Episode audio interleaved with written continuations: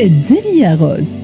أنا juste تو مسخفيني كالعباد المناصرين قيس سعيد je suis sûr اللي كانوا يسبوا فينا في ال live تو باش يقول ال chronique نتاعي مع قيس سعيد باش يقول لك آه ما كرنيش سبيناه بعيدا على دستورية ما قام به رئيس الجمهورية من عدمه وبعيدا على التوصيفات نتاع اللي صار.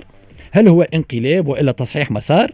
نحب نرجع على تطور النقاش العام في تونس قبل وبعد 25 جويلية 2021 بالنسبة لي أنا تو بدينا في الحوار الوطني.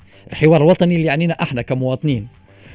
قبل 25 جويلية النقاشات في البلاتوات الإذاعية والتلفزية وفي مجلس نواب الشعب وفي القصبة وفي كرتاج وغيرهم من المؤسسات كان يدور حصريا على السياسة والسياسيين.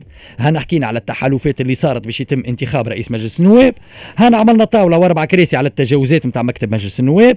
هاو عركة ائتلاف الكرامة والدستوري الحر هاو القرضاوي هاو قانون المصالحة هاو عملنا حكومة هاو طيحنا حكومة هاو راشد الغنوشي هاو نبيل القروي هاو عبير موسي هاو سيف الدين مخلوف. النقاشات الكل كانت تتمحور حول السياسيين. حتى كان جينا نحكيو سياسة بالحق.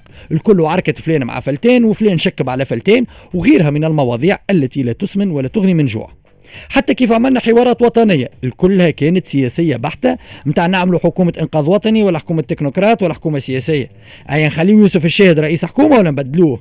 ويعملوا لنا فيها رشة اجتماعي واقتصادي باش هاو نحسوا رواحنا ممثلين في الحوارات هذيا اليوم par contre كي تحل راديو ولا تلفزة تلقى حوارات على الاقتصاد الريعي على الاحتكار على البطاطا على الحديد على الماء. وهذا الحق يحسب لرئيس الجمهورية اللي تمكن باش يهز النقاش العام لمواضيع تهم المواطنين مباشرة.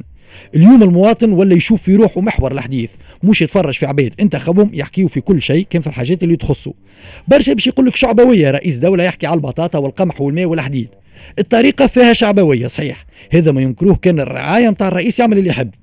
أما أن المواضيع هذه تطرح على طاوله النقاش كأولوية من بين الأولويات أنا واحد من الناس نشوفها ماهيش شعبوية لكن اقتراب من هموم ومشاكل العباد وقيت باش المواطن يرجع هو محور النقاش العام في البلاد. وهذا ما نجح فيه رئيس الجمهورية في انتظار قرارات تتماشى مع الخطاب.